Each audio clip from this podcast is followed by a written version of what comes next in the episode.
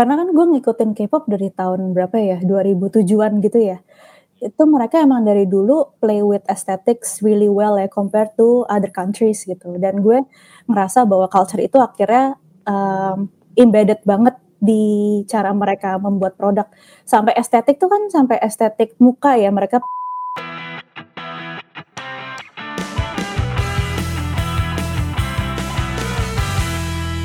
Podcast ngobrolin startup dan teknologi bareng gue Imbre dan kali ini kita akan ngobrol bareng Ananda Anissa Prasetyanto. Dia adalah Human Center Designer dan Workshop Fasilitator di XDS Lab. Jadi kali ini kita akan ngobrolin tentang bagaimana perspektif Nisa tentang produk design, tentang UI dan maupun UX di setiap stage karir dia. Nah, tapi sebelum kita ke sana, kita akan kenalan dulu bareng Nisa dan kita sapa dulu Nisa. Halo Nis, apa kabar? Halo Bre, baik-baik. Halo apa kabar? Alhamdulillah baik. Uh, udah lama kita nggak ketemu ya dan akhirnya kita bisa yeah. ngobrol lagi. Dan thank you banget udah mau gue undang ke podcast gue. Mudah-mudahan ke depannya selama 30 menit kurang lebih kita akan punya diskusi yang menarik untuk banyak orang. Oke, okay, gue akan mulai dengan perkenalan dulu. Kalau boleh, uh, biar teman-teman yang dengar tahu juga, uh, kalau boleh mungkin sedikit lo bisa memperkenalkan diri dan mungkin kalau ada satu hal unik yang orang jarang tahu tentang lo. Oke, okay, uh, salam kenal semuanya. Saya Nisa. Saya kenal Imre itu waktu kuliah S2. Jadi waktu itu uh, kita apa namanya kampusnya sama, tapi Imre di cabang West Coast ya Imre ya. ya. Gue di East Coast. Jadi waktu itu pas main ke West Coast uh, ketemu sama Imre Aku backgroundnya di Human Centered Design, jadi dulu pernah belajar uh, product design, physical product design, tapi makin ke sini makin tertarik sama digital dan research uh, UX research sih sebenarnya. Terus sekarang lagi sibuk um, membangun uh, XDS Lab, salah satu agensi uh, barulah di Indonesia sama partner-partner. Dan di situ aku jadi human centered designer dan workshop facilitator seperti itu. Oke, okay. nanti kita akan ngobrol sampai sana. Gue penasaran kenapa akhirnya lu memutuskan untuk bikin agency sendiri di bidang UI UX. Tapi sebelum ke sana, uh, gue tahu kalau lu uh, S1-nya di Singapura dan kemarin gue sempat uh, research juga itu di bidang produk desain ya kalau nggak salah ya.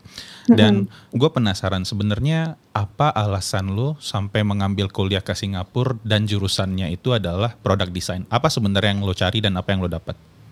Hmm, oke. Wah, ini ceritanya agak panjang sih. Jadi sebenarnya sebenarnya tuh dari dari kecil emang uh, keluarga tuh banyak yang ini ya uh, berhubungan sama pesawat. Jadi uh, eyang itu dulu uh, angkatan udara.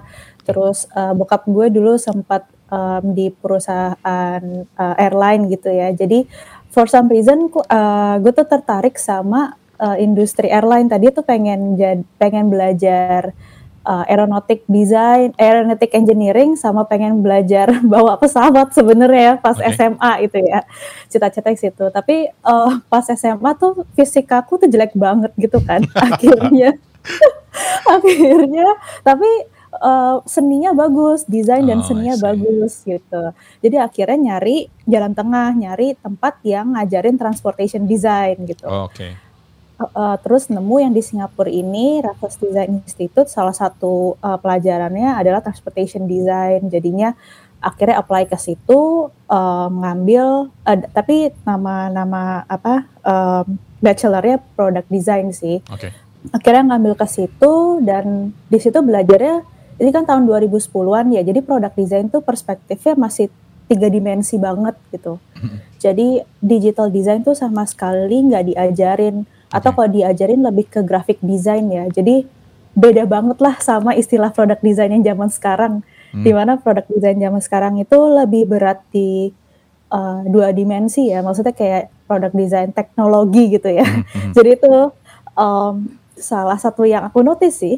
Kalau dulu waktu S1 um, ketika ngedesain sesuatu tuh bayangannya selalu physical design apa okay. yang bisa disentuh ya. Um, uh, be it functional atau aesthetical, tapi semuanya harus bisa uh, apa ya disentuh, nyaman secara dipakai, secara fisikal gitu ya. Sorry gue potong. Transportation design ini apakah lo mentrans, uh, mendesain alat-alat transportasi atau gimana nih? Mhm, jadi ngedesain estetika waktu itu pesawat, eee, kapal, sama mobil.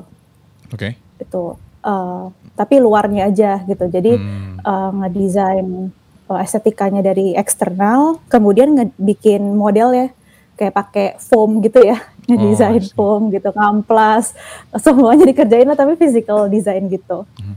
Dan itu lu lakukan sampai lu, eee, di pekerjaan pertama? Lu juga masih di bidang itu sampai lu lulus kuliah? Setelah lu lulus Nah, kuliah? I see. Nah itu, eee, yang gue, apa ya, struggle sih waktu itu. Jadi emang pas lulus, oke, eee, not bad lah nilainya gitu, tapi I don't wanna be doing this e aku udah kayak merasa nggak nggak suka nih sama 3 dimensi, desain 3 dimensi. Karena kalau balik ke Indo biasanya product design tuh ujung-ujungnya bikin furniture kan. Karena di sini kayu kayu tuh bagus gitu ya, jadi rata-rata ujung-ujungnya furniture atau interior design gitu.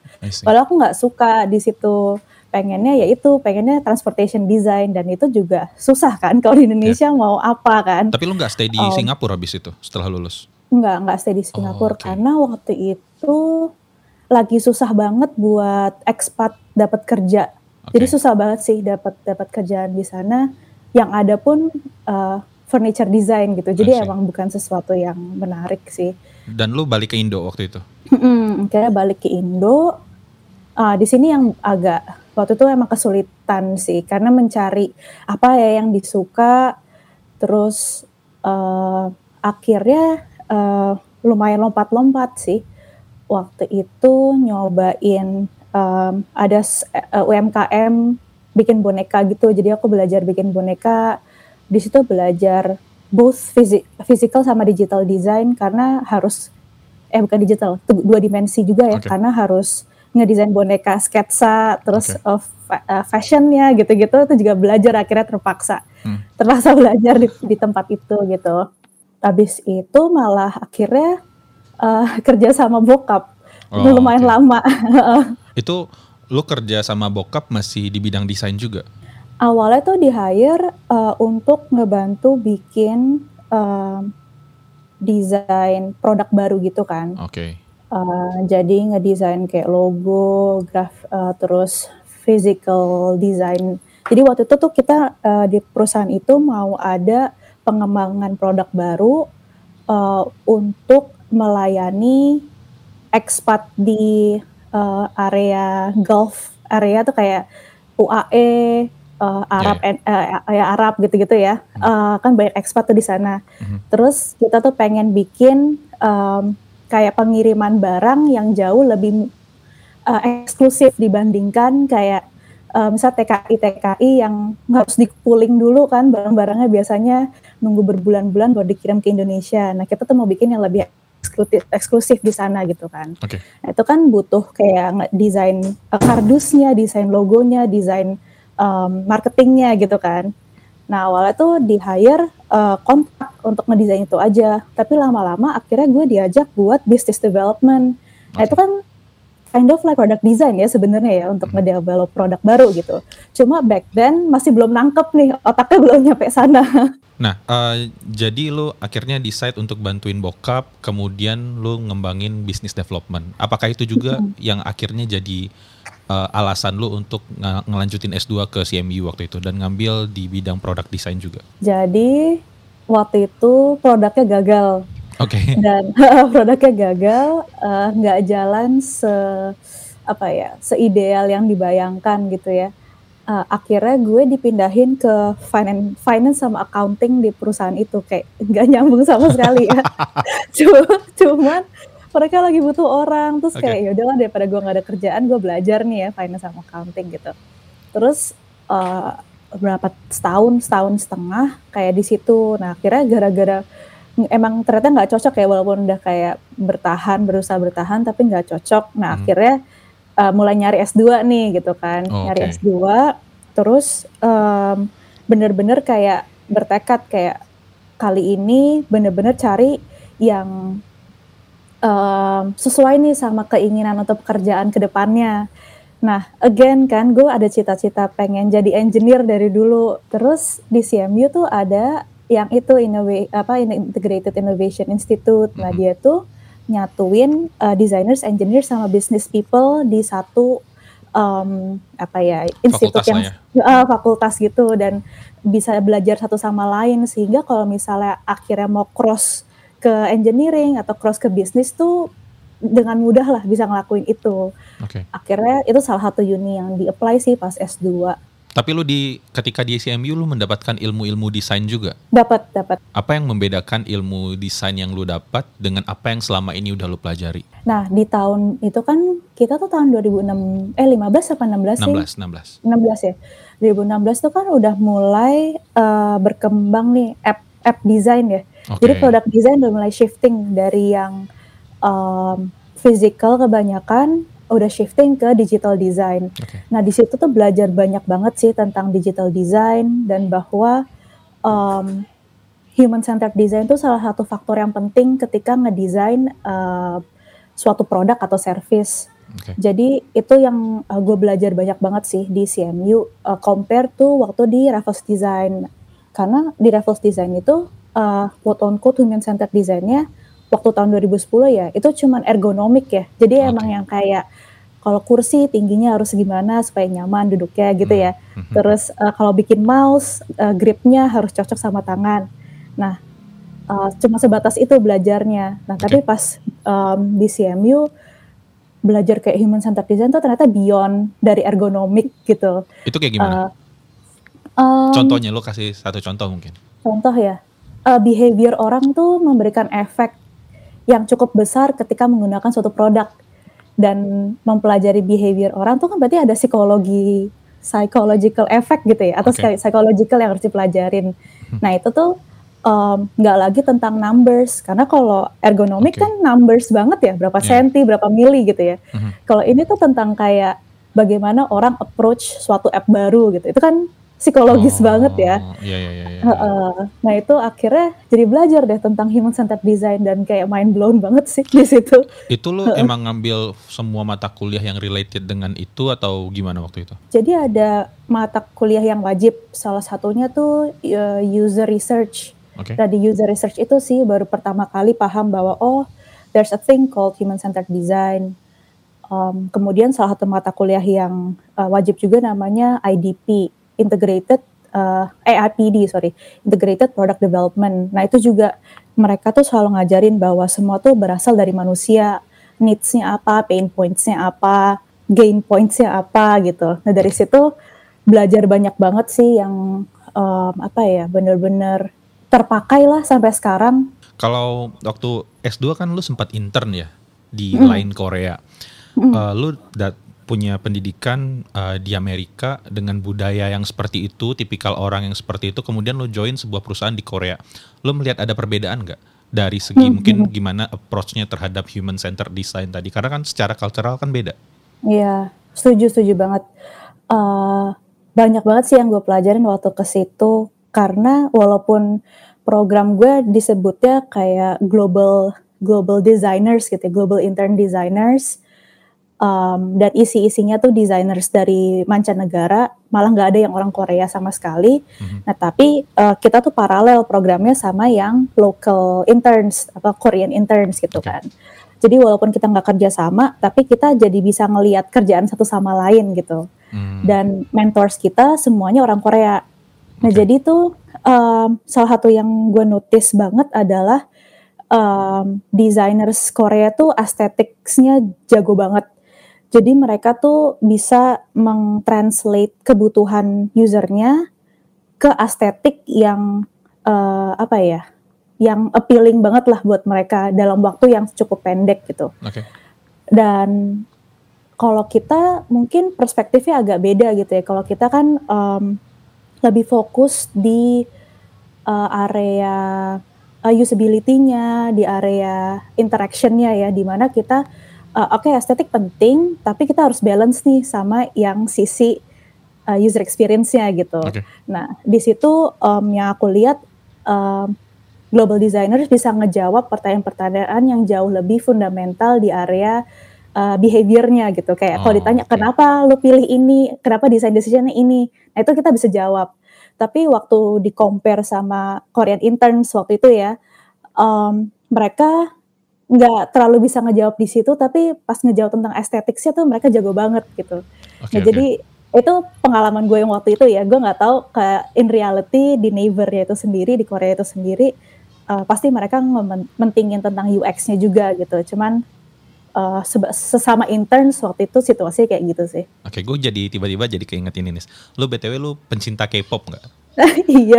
Nah, apakah estetik yang lu maksud tadi itu juga ada hubungan atau relevansinya dengan misalkan kalau lu lihat uh, mus- uh, movie apa sih music video, Hmm. music video Mhm. K-pop itu kan biasanya setnya, backgroundnya dan segala macam tuh colorful dan gua nggak tahu apakah itu estetik atau enggak. Apakah Hmm. itu sebagai bentuk ini juga apa sih namanya?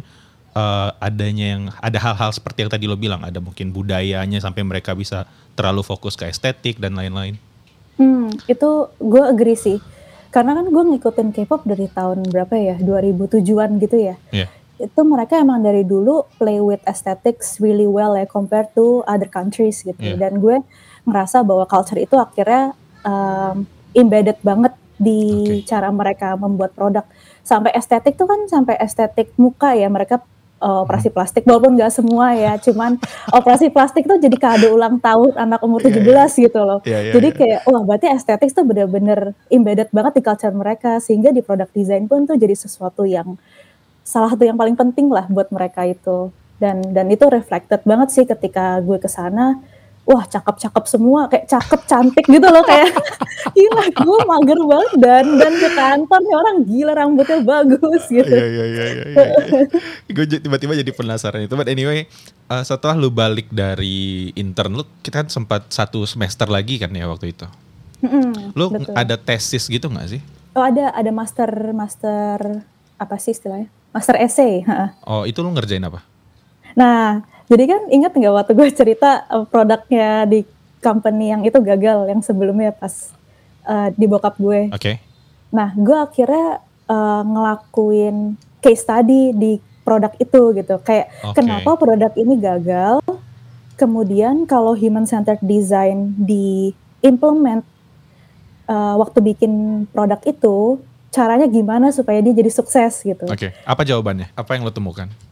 Yang gue temuin adalah eh, ketika ngedesain produk itu dulu kita tuh eh, berangkat dari asumsi dan tidak divalidasi melalui human centered design gitu nggak Oke. nggak ngelakuin riset kita udah assume bahwa this is the answer langsung gas jadi Oh. validasinya tuh nggak ada langsung gas dan di akhir validasinya pas udah launch akhirnya gagal Hmm, gitu iya, iya, iya, dan iya. spend udah too much money lah spendnya sehingga kita nggak bisa mundur untuk ngeperbaiki dan relaunch gitu.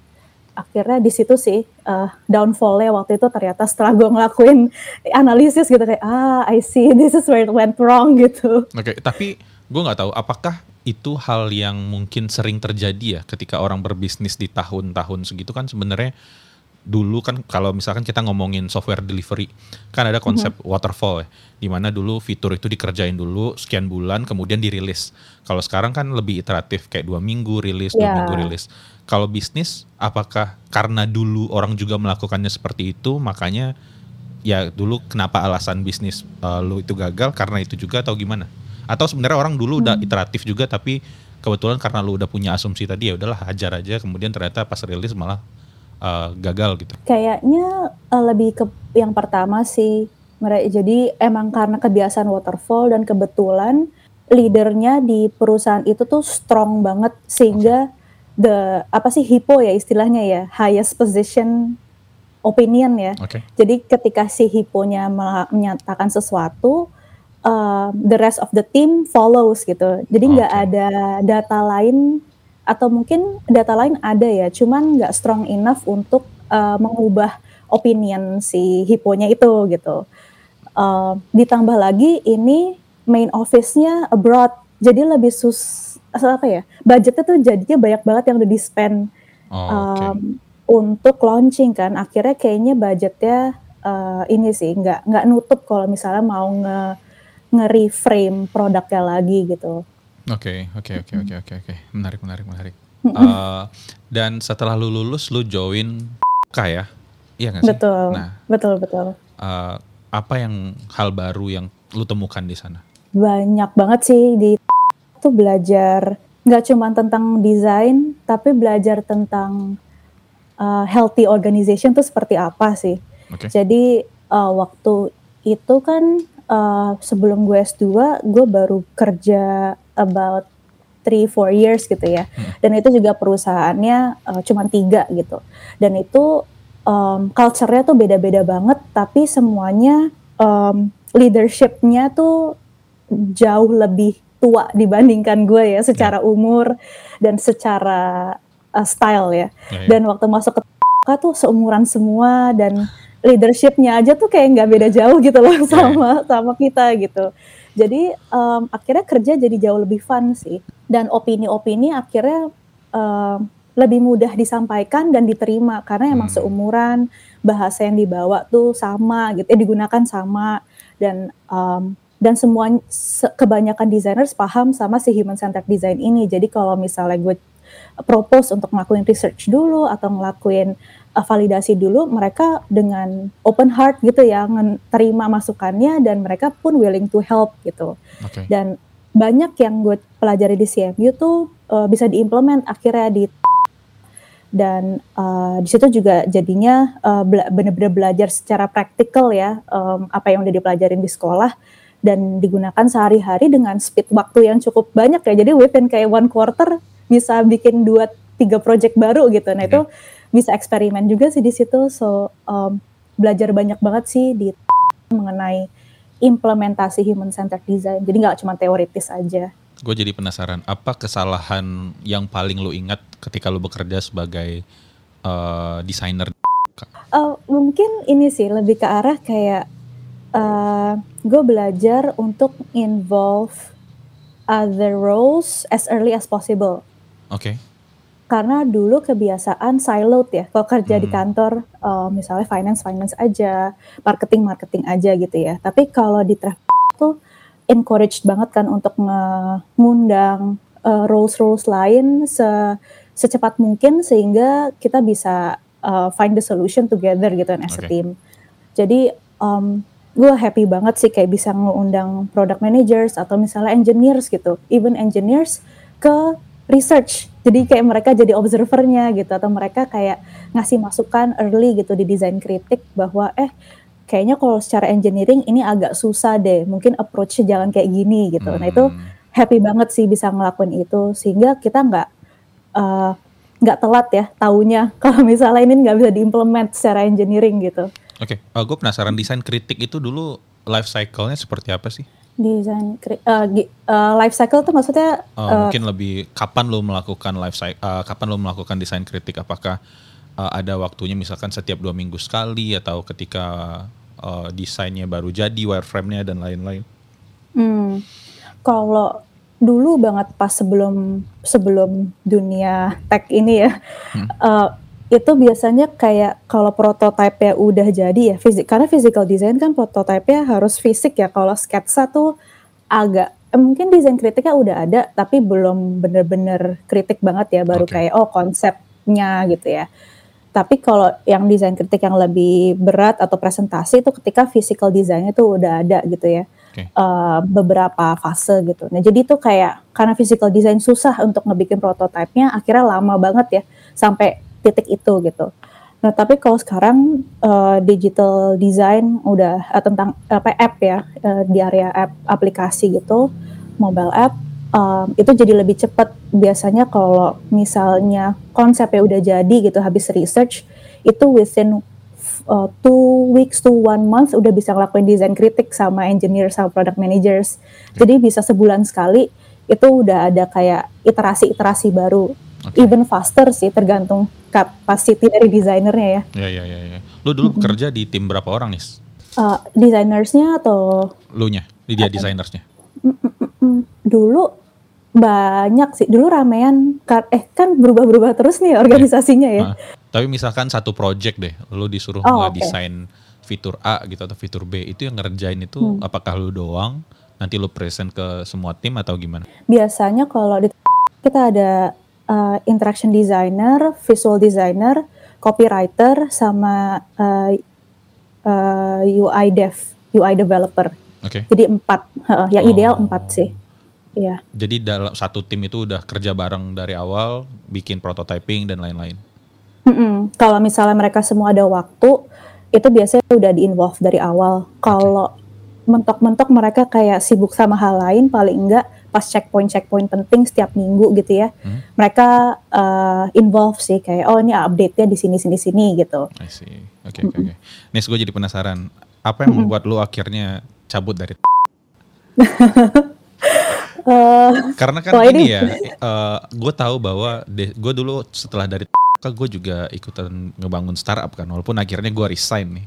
Jadi gue tau lah eh, gimana eh, wak- pada saat itu nyaman, di enak, kemudian gue cabut untuk melakukan sesuatu. Nah, kalau lu sendiri apa motivasi terbesar lo untuk akhirnya yaudah deh gue cabut? Kayak yang terbesar sih emang karena gue mau berkeluarga sih, maksudnya karena gue mau punya anak Oke. dan mencari uh, opportunity lain yang lebih fleksibel dibandingkan Oke. kerja di 9 to 5 job gitu.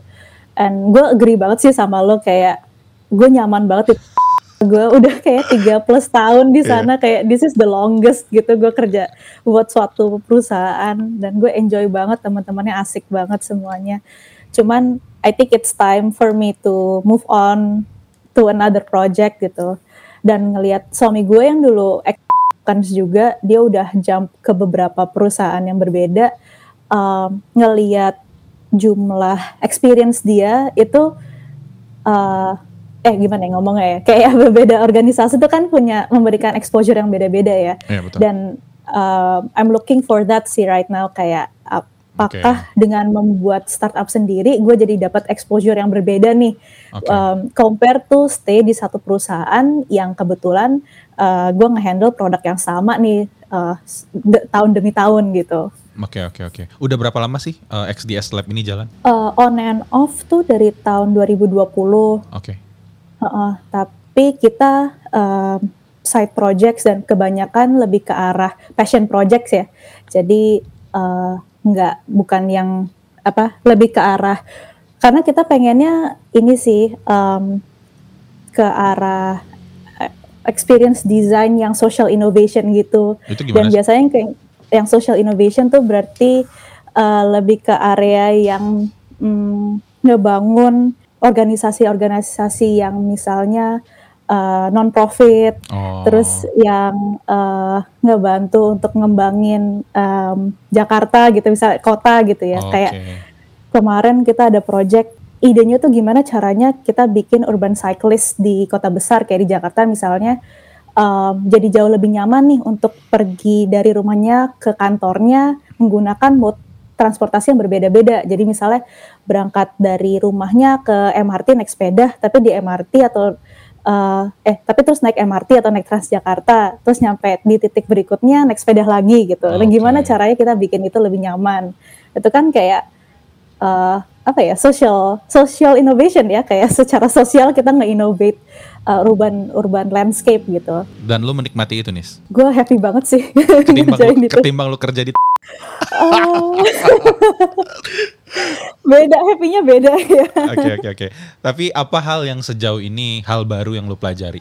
Jadi tuh gue ngerasa karena gue dapat exposure di XDS, gue bisa ngebawa sesuatu yang menarik gitu. Kebalik? Um, bener dari XDS malah ngebawa ke Eh maksudnya gimana? Jadi gini, eh, karena kan gue harus ber eh, berhubungan sama institusi yang besar ya, kayak Oh, Oke. bisa buat ngubah social innovation kan gue harus ngobrol sama government, gue harus ngobrol sama komunitas, gue harus ngobrol sama eh, apa ya BUMN gitu kan. Mhm. Nah itu tuh em, gue jadi belajar untuk meng- menyatukan pendapat orang-orang yang visinya tuh bisa aja beda-beda atau Hmm. agenda mereka beda-beda gitu kan. Ya ya ya ya ya. Nah ya. itu akhirnya karena itu aj- itu kan mereka organisasinya beda-beda ya. Jadi jauh lebih susah dibandingkan misalnya nyatuin pendapat engineer sama pro- PM sama designers within one company Ya gitu. ya ya. Kebayang kebayang kebayang. Ya, heeh. jadi di situ gue belajar banyak banget sih tentang workshop workshop making, workshop facilitating dan akhirnya itu yang bisa gue bawa ke sih malah jadinya. Ya ya ya ya ya. Dan eh, pertanyaan terakhir nih, apa yang ingin lu Hmm. capai setelah ini? Gue ya itu sih pengen ngebangun XDS Lab dan jadi salah satu apa ya em, kesibukan gue sehari-hari sih uh, yang lebih mungkin lebih semi permanent ya hmm. dibandingkan sekarang karena sekarang apa namanya uh, lebih project base terus ke depannya gue pengennya ini lebih um, daily dan uh, gue jadi bisa nge-implement dan menyebarkan teori bukan teorinya aja ya tapi practical skills of human centered design ke institusi-institusi yang mungkin nggak pernah pakai sebelumnya dan nggak pernah tahu sebelumnya okay, okay. dan mereka trust trust this, the the approach ya, ya, ya untuk ya. sehari-hari gitu. Oke, luar biasa tantangannya ya. Apalagi kalau kita ngomongin organisasi yang udah lama banget, tiba-tiba disodorin ini kayak what? Iya. Oke oke. Eh, Kenis, thank you banget udah mau diajak ngobrol. Uh, mudah-mudahan apa pun yang lo lakukan setelah ini uh, berjalan dengan lancar. Mudah-mudahan lancar juga lahirannya, sehat-sehat ibu Amin. dan anak. Amin. Amin. Uh, itu aja. Uh, gue akan closing dulu. Sekali lagi, makasih Nisa udah mau diajakin ngobrol. Makasih juga untuk teman-teman yang udah dengerin. Uh, mudah-mudahan bermanfaat. Semoga apa yang kita obrolin kali ini bisa membuka uh, pengetahuan baru juga untuk teman-teman semua dan mungkin bisa terinspirasi juga dari cerita Nisa. Kalau misalkan Amin. mau follow Nisa ada di Twitter di @nisa_prasetyanto ya. Ya gak sih? Betul, betul, betul. betul. Dan uh, kalau seandainya kalian punya feedback uh, atau masukan, mention gue di Twitter di @imbrenagi atau email aja gue, email gue ada di Spotify. Itu aja, terima kasih semuanya yang udah dengerin. Sampai ketemu lagi di episode berikutnya. Assalamualaikum warahmatullahi wabarakatuh.